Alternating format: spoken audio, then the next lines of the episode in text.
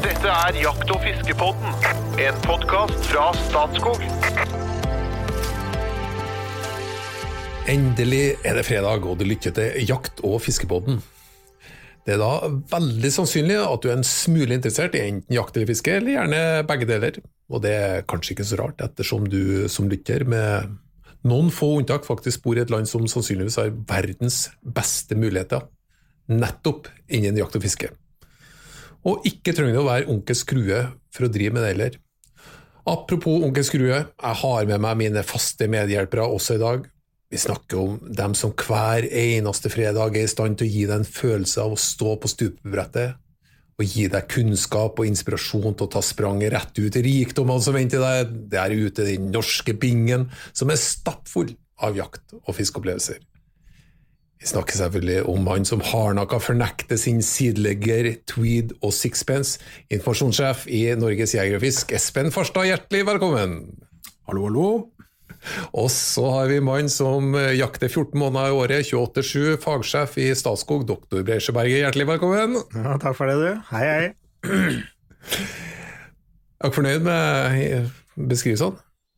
Det var passende, var det ikke det? Ja, ja. Du òg, Espen? Jo. Michael Farstad? Ja da, det går bra. Det Ja. Sixpence Tweed og ja. Ja. I dag er vi nemlig så heldige at vi skal få gjenhør med en gjest som var med tidligere, da vi snakka om eh, laksefiske. Eh, Og vi snakker kanskje enda mer om laksefiskere. En eh, kunnskapsrik kårkall fra Høylandet som har et skråblikk som er få forunt. Velkommen tilbake til oss, Lorentz Borchgrei. Er travelt som kårkall? Ja, du vet, eh, det er fullt opp da, de kårkallene. De er jo veldig populære, sånn at eh, det, blir, det er nok å holde på med, for å si det sånn. Ja, ja, ja. ja. Ja, Da vi ble enige om eh, når vi skulle gjøre innspillinga, så, så måtte jeg flytte litt på tidspunktet. For opprinnelig tidspunkt da kunne det hende at noen hadde kommet i gang med noe. Så det, men nå, nå begynner det verste å gi seg sånn utover dagen. Det er, eh, det er greit, ja, nå er vi klar for å prate om elgjakt. Ja. Elgjakt, ja. Og elgjakt. Eh, Spesielt det vi skal inn på, er elgjaktlag. For dette er jo tradisjonell, sånn, en tradisjonell lagsjakt. Jeg tenkte vi skulle eh, høre litt hvordan det er organisert, hva som gjør, gjør ting til et godt jaktlag, eller et dårlig jaktlag. Hvordan står det til med rekrutteringa og endringer i samfunnet som sikkert påvirker jaktlag. Men kan ikke vi starte litt enkelt? Lagsjakt på elg. Det er vel egentlig et samarbeid rundt det å felle dyr. Er det noen som, er noen som greier å beskrive hvordan dette var i tidligere tider? Lorentz, du har jo mest kontakt med tidligere tider. Ja, for jeg er gamlest. Jeg er. Nei, det eneste jeg kan si at eh, vi er så heldige, og midt i valget vårt så har vi et eh, fangstgravsystem. Eh, Der du eh, ser hvordan de jakta i tidligere tider. Og det artige er at det samme drevet som vi gjør i dag på elg, er faktisk det de sikkert har brukt om, fordi at du ser hvordan fangstgravene er gravet og står. Eh, sånn at eh, det skaper litt perspektiv da, å kunne jakte elg i dag på områder som de for eh, 1500 år siden eh, jakta elg på, på sin måte. da. Heldigvis. Har du postene oppå, oppå jaktgravene da, eller? 100, 100 meter unna er en post. Ja.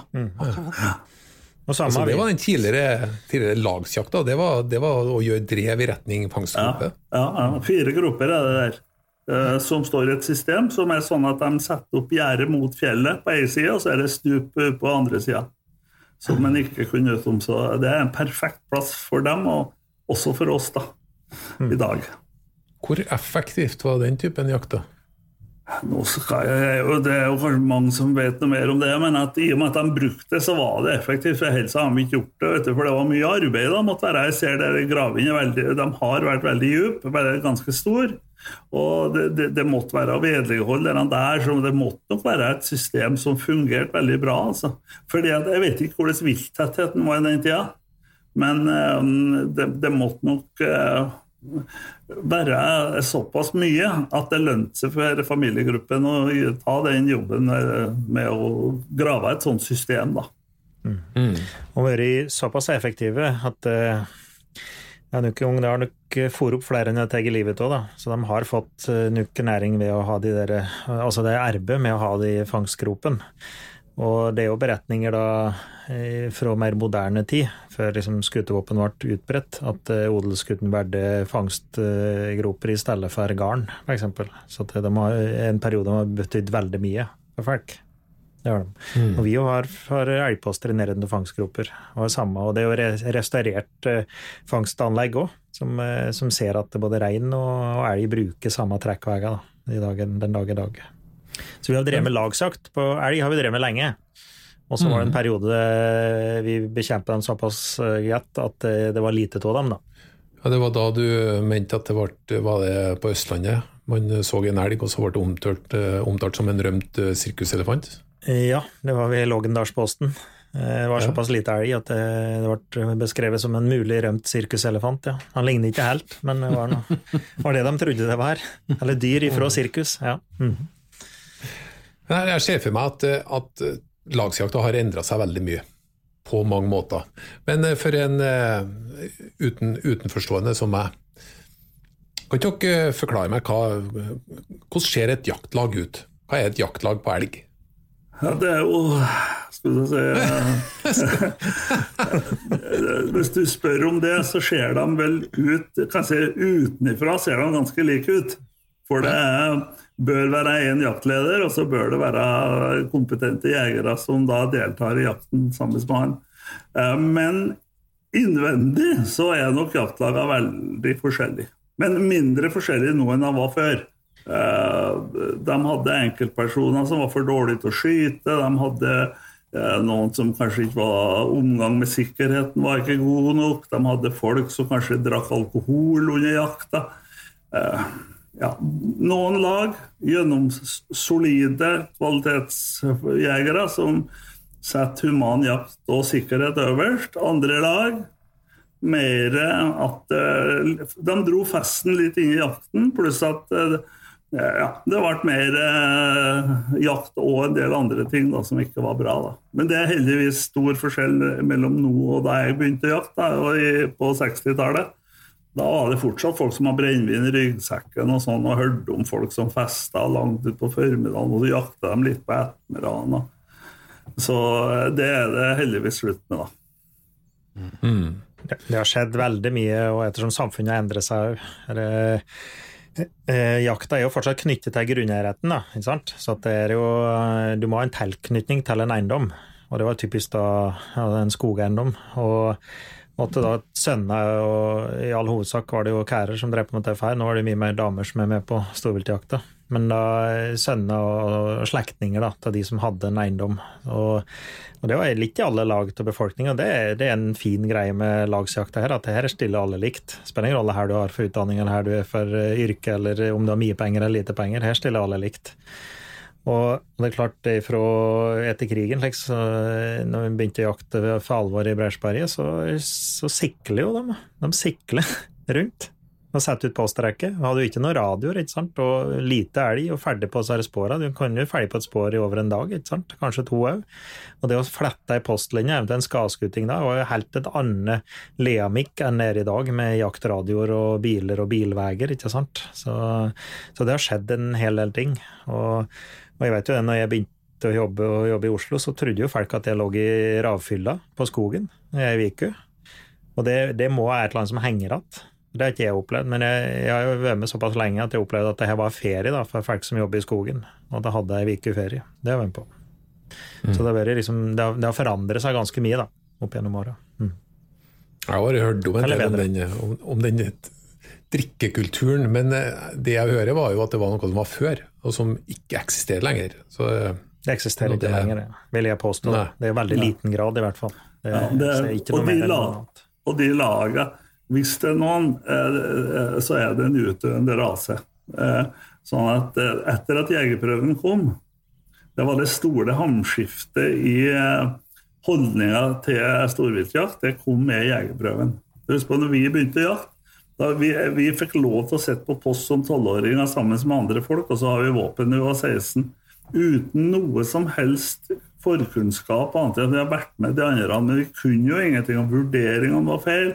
Vi satt sammen med folk som kanskje skjøt når de så til deler av en elg, eller en sprang forbi, og de var for dårlige til å, både til å uh, vurdere situasjonen og likevel stå og følge opp ettersøk og sånn. Det var vår opplæring. Uh, men i dag så er det jo en helt annen kvalitet på storviltjegerne. så uh, det har vært en radikal stor forskjell. Altså, de ungdommene som er på laget vårt, og unge folk som til, de har en helt annen forutsetning enn vi har for å gjøre, være en god jeger. da.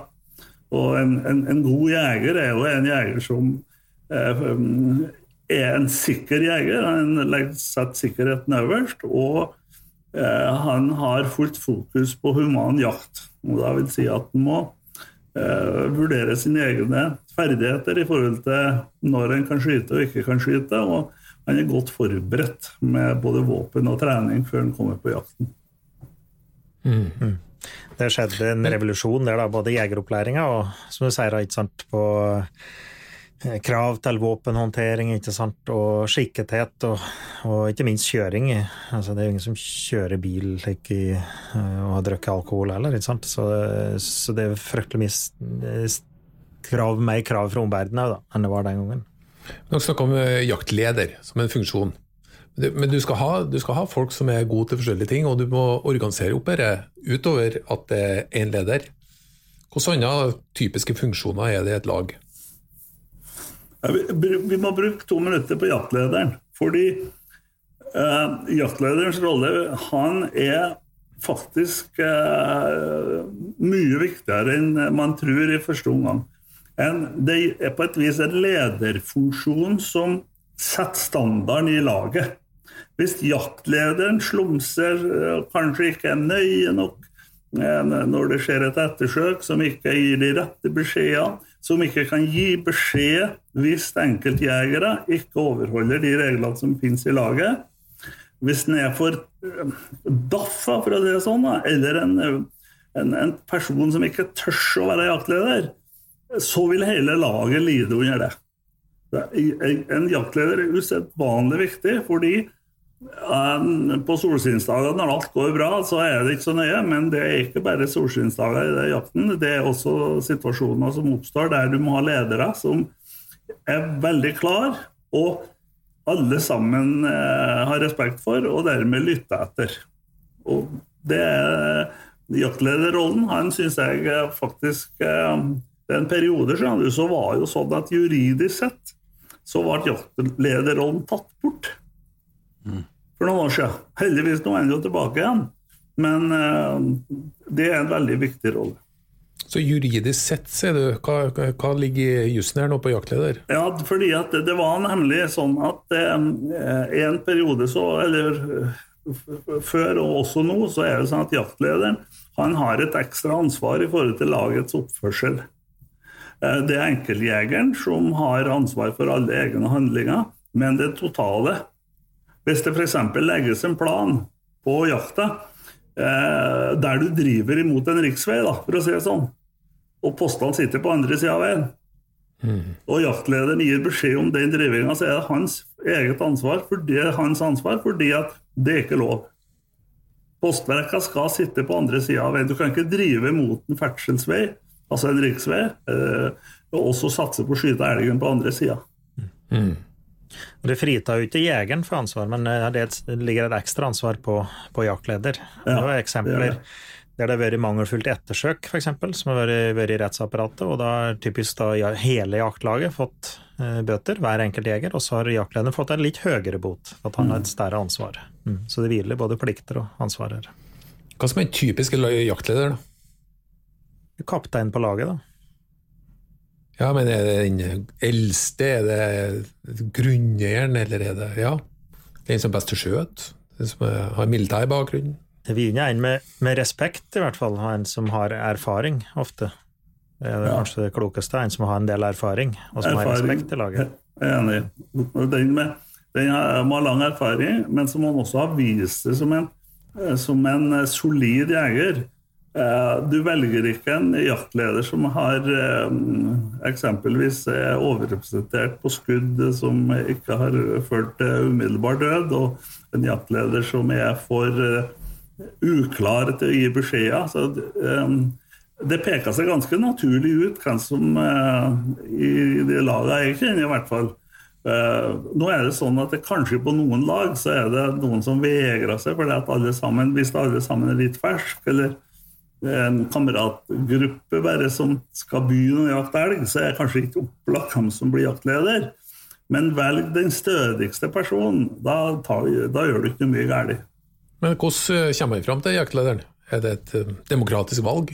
Det er i valg, laget? I laget vårt så er det valg, og jaktlederen stiller sin plass til disposisjon hvert år. Og han blir gjenvalgt også øh, hvert år den, som har vært nå. Da. Den forrige den sa bent ifra seg pga. alder, og det må alle akseptere.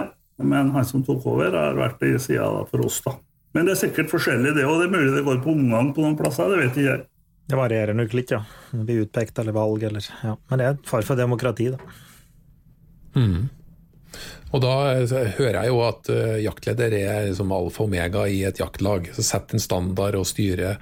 Og da antar jeg jo at eh, feil valg av jaktleder er noe som virkelig kan få et lag til å fungere dårlig. Mm, det tror jeg. Så det er største, en av de største faktorene for å få et eh, lag til å fungere godt, det er rett eh, jaktleder. Mm. Mm. Er det, hva med de andre funksjonene? Er, er, finnes det noen som har ansvar for samband og postplassering? så- Altså, er det andre Ja, det er jo- Det er jo ansvarsroller? Det er jo det er en form for dugnad, det er et samspill. Du skal få det der laget til å fungere for å typisk da fylle kvota, eh, de dyra du skal ha. Og det er klart, da må, må alle bidra, og alle må få sine roller. Og noen er bedre til ting enn andre. Og eksempel å sette ut poster, det er da typisk én oppgave. Og noen kan ha ansvar for å dra ut elger, f.eks., og noen kan ha ansvar for å, å flå dem, og noen kan ha for å støkke dem og dele opp dem. Så, så det er typisk eh, dedikerte oppgaver, da, mens alle må bidra. Hvilket ansvar har du, da, Jo Inge? Jeg setter typisk, typisk ut poster. Og så er jeg med på ettersøk, f.eks. Og jeg må drive, da. Men jeg typisk setter ut poster og deler opp dyra. Jeg gjør ofte. Enn du, Lorentz? Hos oss er det sånn at eh, alle sammen er såpass godt kjent at vi trenger ikke sette ut poster. Så har vi veldig mye navn innenfor Vi jakter på rundt eh, 20 000 mål. Og, eh, og vi har veldig mange navn og navn på alle poster og alt sånt. sånn at eh, de som deltar, de kan gå på postene sine sjøl. Det bruker vi ikke tid på. Eh, Så jeg er en gammel kall som stort sett bare er med og er positiv, men også selvfølgelig støtter opp jaktlederen i forhold til de vurderingene og, og valg som han tar. og de fleste gangene er det ikke nødvendig å ha noen mye diskusjoner, men det kan jo være at den, de taktiske debattene, og det og det som er det artigste med hele elgjakten, det er jo det taktiske vurderingene før man begynner å jakte. Altså En død elg er jo en død elg, en ganske kjedelig skapning på mange måter. sånn at eh, Taktikken og diskusjon der alle sammen kan være med å legge en diskusjon. Hvor skal vi drive? Hvordan skal vi postere? Vindretning? Alt sånne ting. Det syns jeg er den høydepunktet med elgjakta. da. Men betyr det at du har eh, faste poster, da, lunsj? Så du veit alle poster, ikke bruker tid på å sette dem ut? Vi har um, stort sett faste poster, men det er ikke faste poster per person. Vi, vi varierer sånn at folk får gå hvis du har, Når du har jakta på 20 000 mål, så vet du at det blir jo flere drev som blir tatt flere ganger. Og da dem som, Jeg er ofte med og går, men de som sitter på post, da, de får lov til å velge sånn at de slipper å sitte på samme posten, for det er for ofte. Så at folk, eh, Det der ordner de på et vis sjøl. Posten melder seg på og sier at jeg kan godt gå dit og kan gå dit. Noen er bedre til å gå enn andre, og de går ofte lengst. da. For det, for det der varierer jo fryktelig mye da, med lagsjakt. da, Om det du skal trekke poster, f.eks., og trekke poster per drev eller for hele dagen. ikke sant, Og ha faste poster. Og noen poster går jo i erv. Og, og så er det noen som ikke alltid passer på en post, f.eks. Så kan det være at du må plassere litt rundt, da, og som sier, og ikke nødvendigvis sitte på samme sted hver gang. da. Så, så det der, er, der kan variere ganske mye mellom hvert lag. Jeg har vært på mange lag og sett, og det, det er veldig stor variasjon. Mm. Hesten enkelte laget løser det. Det- Hva som skjer Ja, ja. så. Nei, bare si de, eh, de plassene der det kanskje er folk som kommer inn og ut, og, og, og, og, og så er det jo forskjell på jegerne. Noen syns jo det er stas å skjøte elg, og det forstår jeg jo. Og det, er noen poster er jo bedre enn andre, og da er det naturlig at de trekker poster. Det er greit, så ikke noen skal diskutere hvorfor får ikke jeg sitte på den beste posten, hvis det er noen som lurer på det. Eh, I jaktlaget vår er ikke det noe tema, fordi at eh, alle sammen har skutt elg, og, og det poenget er å, å, å få sitte på litt forskjellige plasser og, og ha forskjellige opplevelser. da. Men at eh, mange valg trekker poster, det forstår jeg. Hva som skjer på laget ditt, da, Lunsj, hvis det kommer inn igjen og foreslår at eh, i år i år skal vi gjøre det litt annerledes, karer. Ja, men det, det, det, det er et åpent hva han jaktlederen vår han er sånn at han eh, Vi har innført nye ting nesten annethvert år. da. Så I fjor innførte han eh, familiedag. Eh, Sånn at eh, på første lørdagen og søndagen midt på dagen så passet vi på at vi jegerne åt mat på en, på en spesiell plass, og så inviterte alle familiene de som var barn og småbarn kanskje ikke kunne være med og kanskje ikke hadde tatt jegerprøven, men hadde lyst til å bare være med i, i, i miljøet, så kom de da på lørdagen og søndagen og deltok i lunsjen. og de som ville være med ut etterpå, sitte sammen med en jeger, de ble med ut mens andre passa ungene. så det, det var en nyskapning som eh, var veldig positivt. Altså. Det kommer til å bli gjennomført for all framtid, tror jeg, hos oss. ja. Dette er jo en verden som jeg kjenner litt lite til, og, men det er faktisk også en verden som ikke du er altfor bevandret i, Espen. Du har ikke noen sånn eh, lang eh, erfaring med lagsjakt på elg? Nei, det kan man trygt si. Jeg har, eh, jeg har vært med på, eh, som gjestejeger på elgjaktlaget til salige Sven Stenbrennen én gang. Eh, Og det var jo en opplevelse, det. Eh, Og det, det var jo som å stikke huet inn i et rom fullt av fremmedkulturelle. Jeg har jo aldri Det var jo språk og koder og humor og, og greier som Det blir jo en veldig sveisa greie, dette her. Det skjønner jeg godt. Eh, og dette var jo attpåtil eh, ikke så langt unna deg, Jo Inge, hvor du holder til. Det er jo en dialekt der, så jeg skjønte jo bare halvparten av det de sa, og særlig dette på begrepssida. Så jeg synes det var, det var en opplevelse, men jeg kan veldig lite om dette, så jeg sitter med litt store ører og hører nå. Altså, jeg driver jo med lagsjakt eh, på rådyr. selv Eh, men det er liksom ikke samme grad og, og, av organisering og alvor. Det er ikke det. Eh, Det er på, på en måte en lettere form for jakt å bedrive rådyrjakt. Så jeg sitter og hører, jeg syns det, er- artig å høre. Eh, Jeg blir jo litt nysgjerrig på hvordan dette foregår. Du, du snakker om unge jegere på jaktlaget, Lunsj. Hvordan i all verden foregår rekruttering inn i en såpass lukka sak? Ja, Nå kan jeg svare bare for oss, da, men eh, barn og til dels barnebarn av dem som er grunneiere, de får jo lov til å være med hvis de vil. Og så er det slekt, andre slektninger som har vært med fra før, som fortsatt er med. Eh, og det er, jo, det er jo rekruttering av det. Og da er det jo å få folk til å ta jegerprøven og, og få dem interessert. Og det er jo det er ikke noe automatikk i det at du er interessert i elgjakt fordi om du vokser opp på en gård og heller øh, får far din og mor din jakte elg. Det er ikke sikkert. Eh, Så altså at det å ta dem inn i jakten uten at de blir en tredjeperson som føler at de sitter ved utkanten av bålet og ikke blir deltakende, det, det er en måte å skyve det her ungdommen ifra seg. Så vi har øh, veldig aktivt prøvd å få dem med, og eh, gir dem all den kunnskapen vi har, og likedan eh, lar dem få lov til å være med etter hvert, for de bestemmer hvis de plutselig kan jaktlederen utfordrer ungdommene til å bestemme neste drev, f.eks. Eh, Sånne ting eh, som gjør at de føler seg velkommen. Kommer de eh, til- dels tilbake fra studier sånn for å være med på være med under jakta? Ja, noen gjør det. Kommer tilbake. Det noen Så det lykkes, så du får med, noen unge, får med ungdom. Hva sa du? Så det lykkes, Lunsj, så du får med ungdommen. Ja, vi har fått med ungdommene. Ja, så det går bra.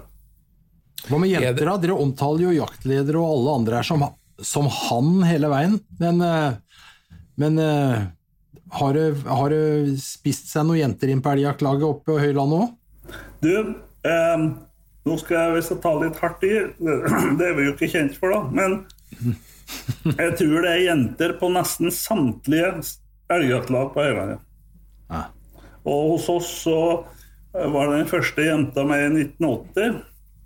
Det var kona mi. eh, og hun har jo aldri sett sine bein på et gårdsbruk før hun kom hit. Hun var så lettsindig at hun gifta seg med meg. Men jeg, eh, jeg hadde et sjekketriks som hun har eh, framholdt mange ganger som et godt sjekketriks. Og jeg satt hjemme og passa vår datter mens hun fikk gang på jakt.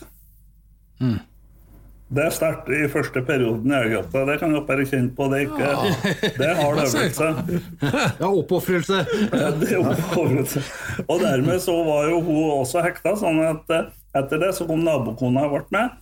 Og nå er det unge jenter, og, og det er ingen som løfter øyelokket. På skytebanen på Høylandet på treningene så er det mange jenter som er der og skjøter. Og det har blitt gått veldig positivt rett veien, altså.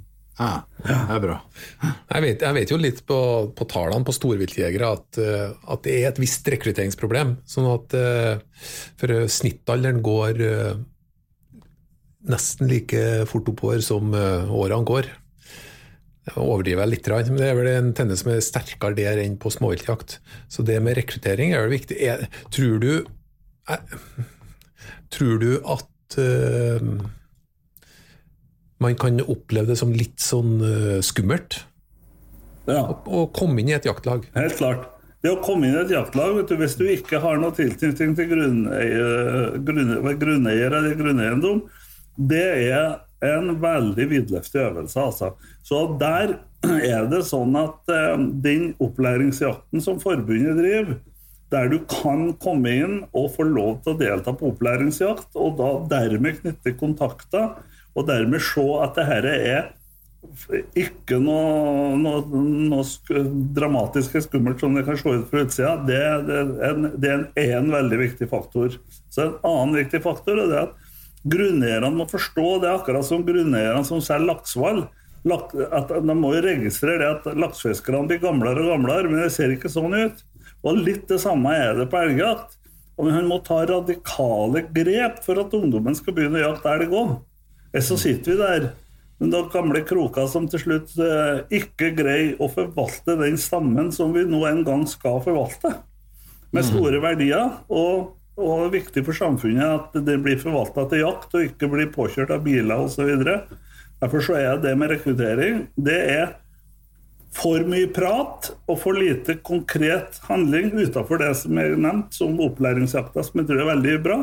Eh, Men det må også grunneierne må få en eh, wake-up call her, altså. Og da følte jeg det kom en utfordring rett i fanget til han som eh, jeg, jeg kan si at du representerer Norges største grunneiere nå, vet du, Jo Inge.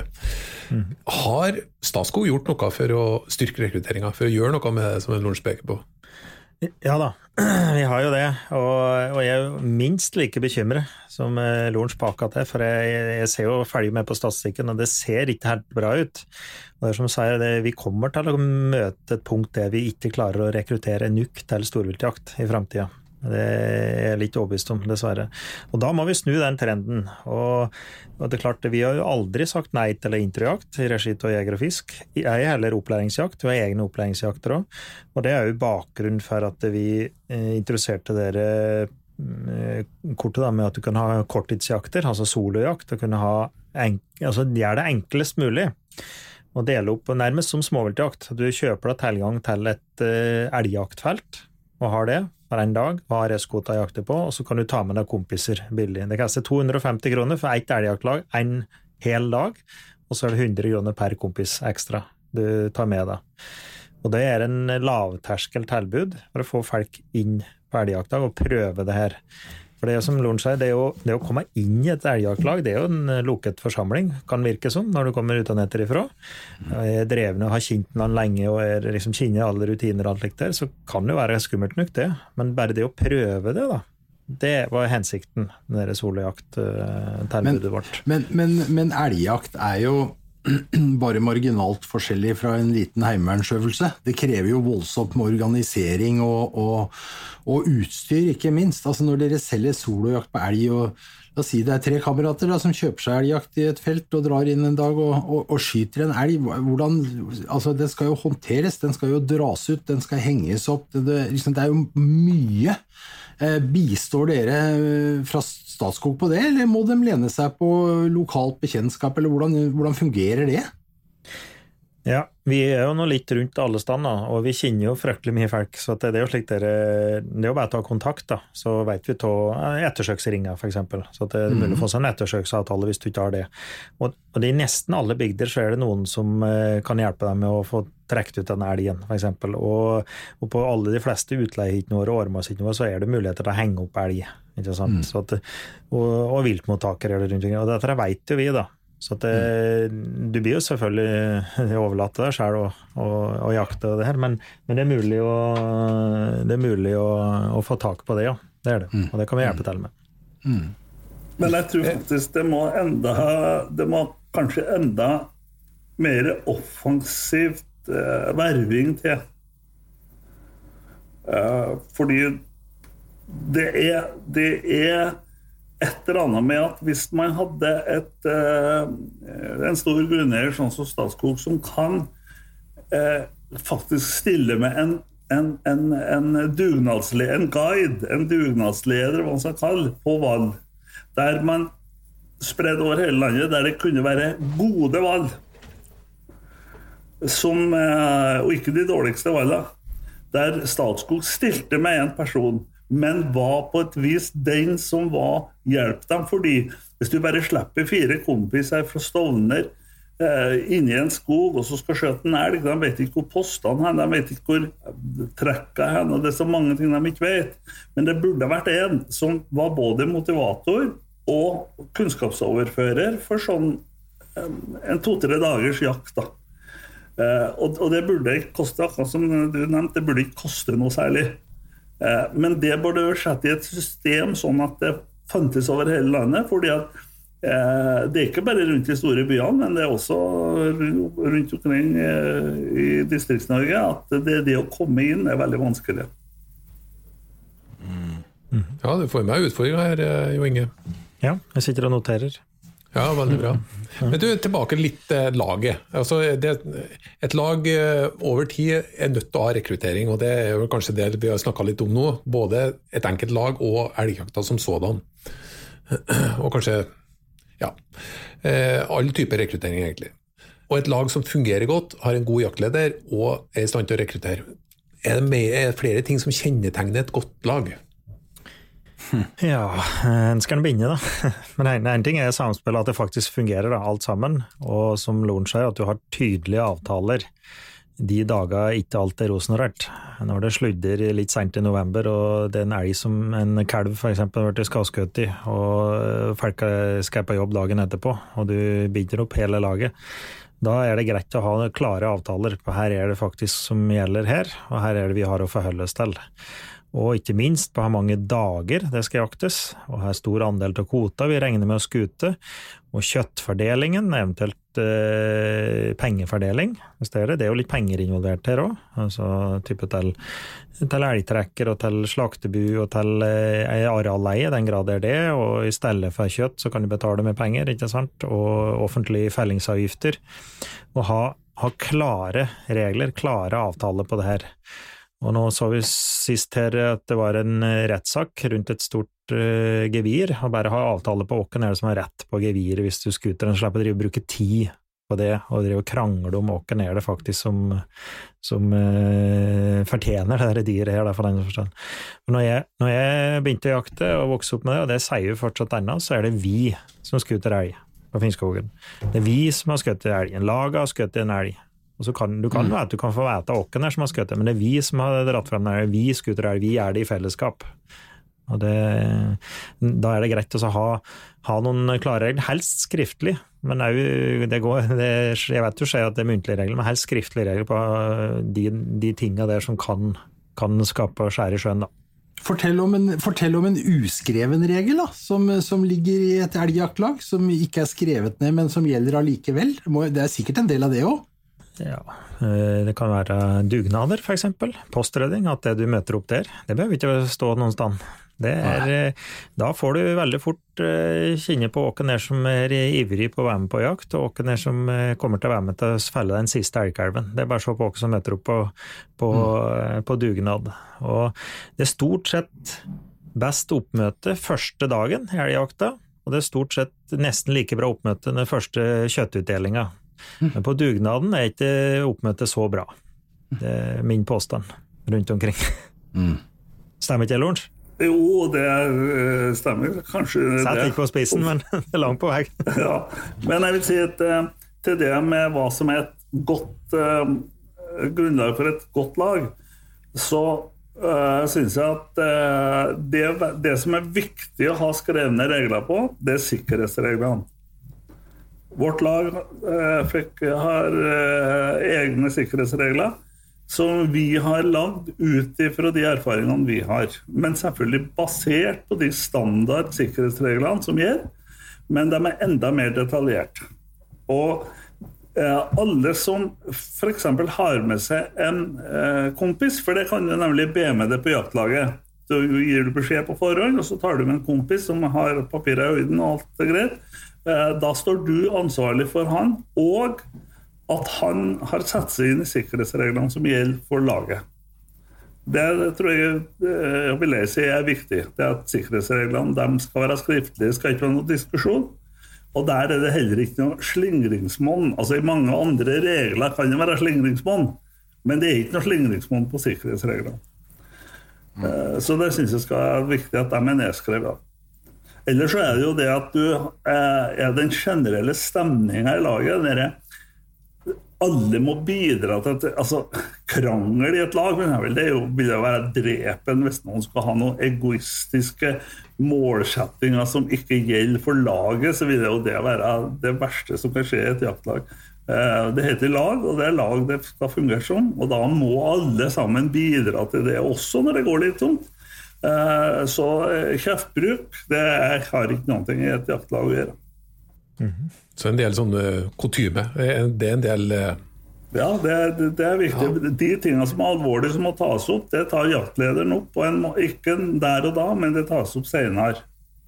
Mm. Eh, hvis det er noe som må tas opp. Det kan være et skudd som ikke eh, sitter der skytteren trodde det skulle sitte. og Da vil jo ikke det bli noen debatt i plenum akkurat da, men jaktlederen tar opp det med skytteren etterpå og diskuterer hvorfor traff du ikke der du trodde du skulle treffe. og Eh, ja, sånn at folk må tenke over hvis du har avfyrt et skudd som ikke gikk sånn som en trodde. Altså. Tror dere at, eh, at jaktlag er egentlig mer, mye mer imøtekommende enn mange eh, har grunn til å tro? Jeg har mistanke om at det er noen fordommer ute og går. Veldig lukka, veldig vanskelig å komme inn på uskrevne regler og vite hvordan man skal te seg osv. Ja, jeg, jeg, tror det, da. Men uh, det er vel litt likt med nordmenn generelt, at vi kan oppfattes litt reserverte. Hvis vi prater med utlendinger, i hvert fall. Kanskje er det like i elglag òg. At vi kan virke som at det er en lukket forsamling. Men det å, jeg, jeg har vært med på mange elglag rundt omkring, bare som gjest. Jeg har aldri opplevd å ikke være velkommen. Nei, det tror jeg også. Hvis du, hvis du spør du, du, det, det, handler om det. Men, men det er få som inviterer det inn. Det er det som er det store Utfordringa fordi vi må være mye flinkere til å invitere ungdommen f.eks. inn. Vi må ikke bare eh, si at nå skal du begynne å jakte elg. Du må ta dem inn i det miljøet, sånn som dere familiedagene som vi har hatt hos oss. Det er på en måte å ta dem med inn, der de sjøl kan velge om de vil delta litt, eller sette litt på post og se om det her er noe for deg. Eh, det tror jeg er viktig. Vi må være flinkere til det. Mm. Hva tenker Espen?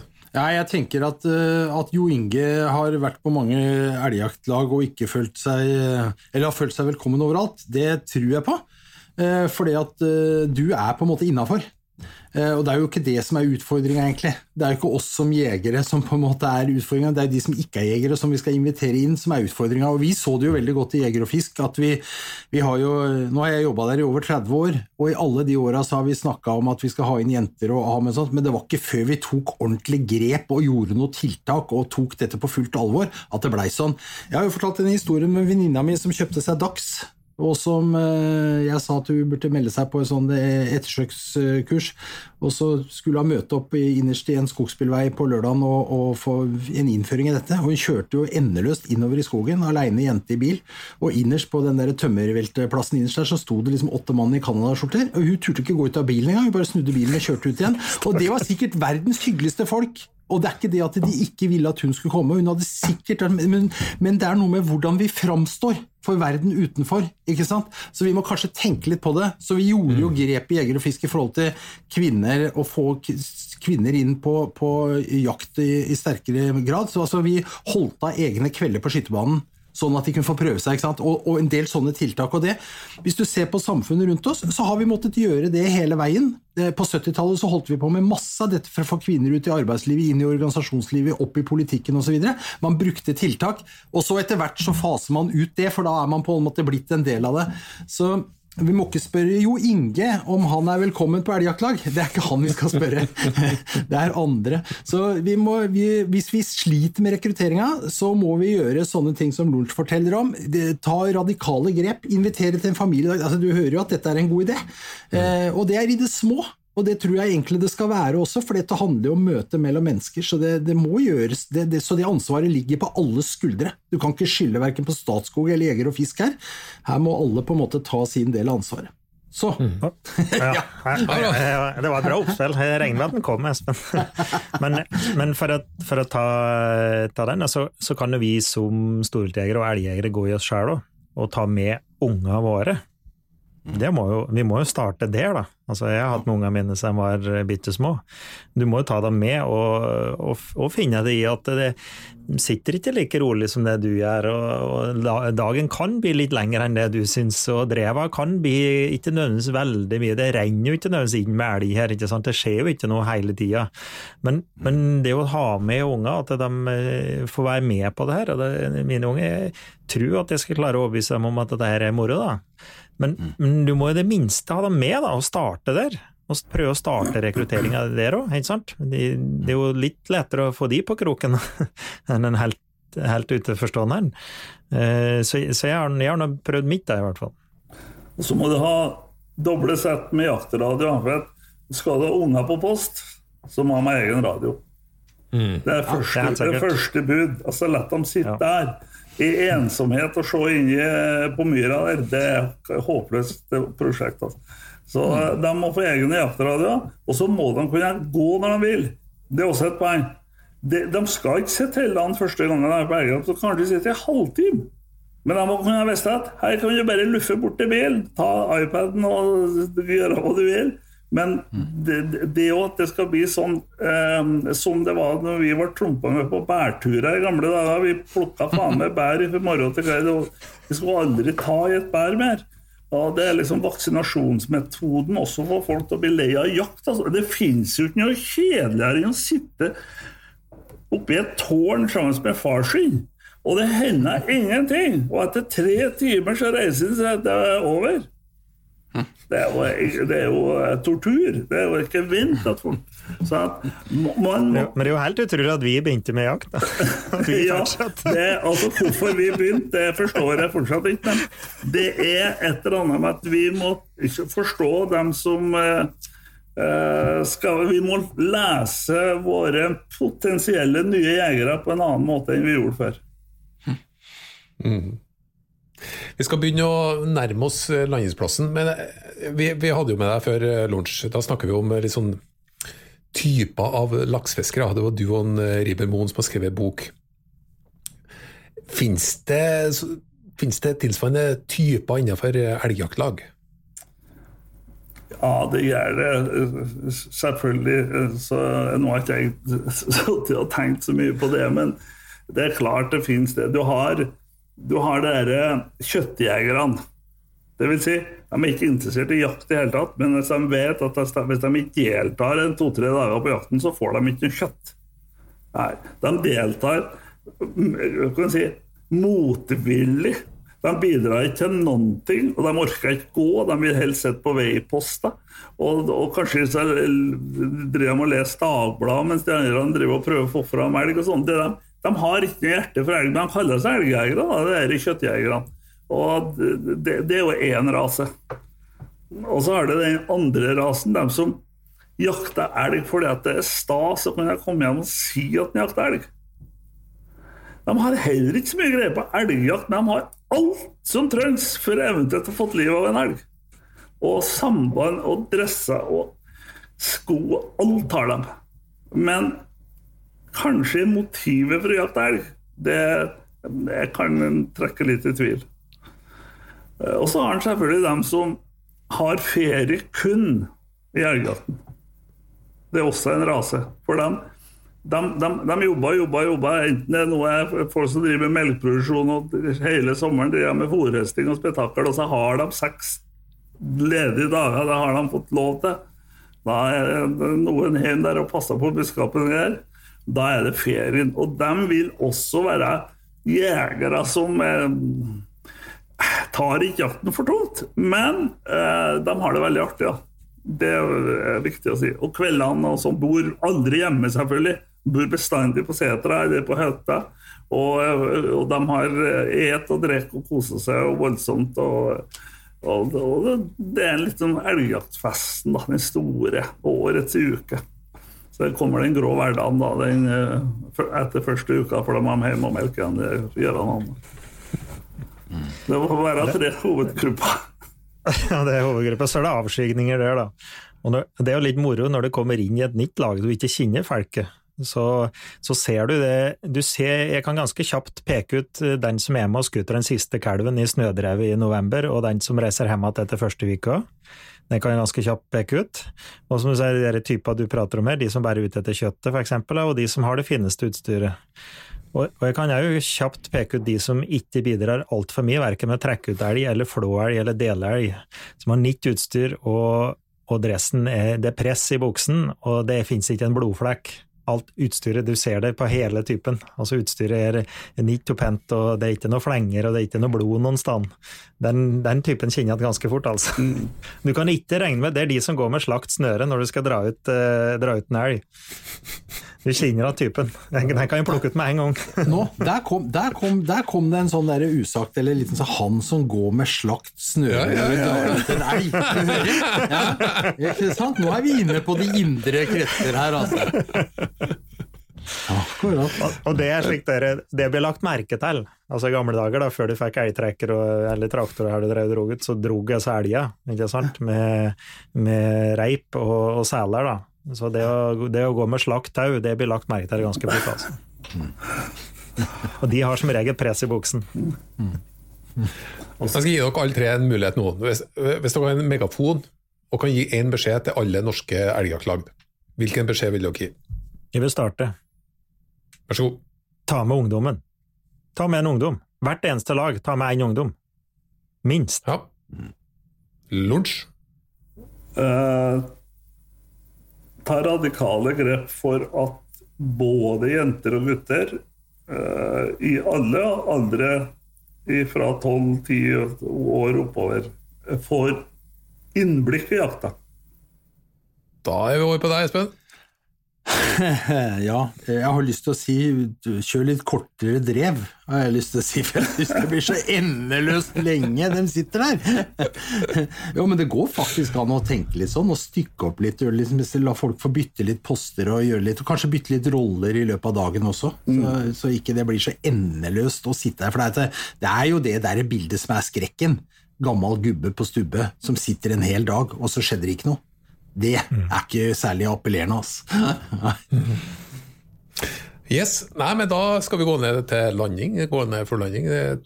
Takk til deg som hører på. Følg oss gjerne på Facebook og Instagram. Vi har en del konkurranser der, det, der man kan ende med verdens vakreste T-skjorte. Det skal også du få, lunsj. Hvis jeg får vite adresse og størrelse, så kommer det en hyggelig hilsen i posten opp til Kårkallen på Høylandet. Veldig artig å ha deg med igjen. Eh, og selvfølgelig til deg som lytter, lokk gjerne flere inn i Jakt- og fiskepondens eh, fristelser. Men før vi slutter, så skal vi ha en liten hot or not. Det fungerer da. Jeg er litt usikker på om vi hadde det på siste episode, Lunsj. Så jeg må ta en uh, kjapp forklaring. Det varer i 15 sekunder. Jeg sier noe, og du må enten svare hot eller not. Vil si, alle tre skal svare. Rekkefølgen er sånn at Jo Inge skal svare først. Deretter skal en Espen svare, og så skal en Lunsj svare. Og det skal gå fort. Fire, fire spørsmål. Er du klar? Ja. Det var, det Ja. var én Ja. svar der nå. Ja, ja, ja vel, klart vi er klare. Den som tier samtykker, det er- er så vanskelig å få Hver gang, vet du. ok, da har vi klart kikkersiktet med rødpunkt. Hot or not? Hot. Hot. Hot. Sideligger. Hot or not? Hot. Not. Not. Det er bra. Elgsodd. Hot or not? Hot. Hot. Hot. Ja, da ble det mye hot i dag, for den siste er jo hot, da, men, det, men jeg skal ta den. Debutplata til gudfaren i trønderrocken, Åge Aleksandersen, 7800 Namsos. Hot or not? Not. Not. Hot. Ja, det var hot på alle tre på siste spørsmål. Takk for det, og velkommen tilbake neste fredag.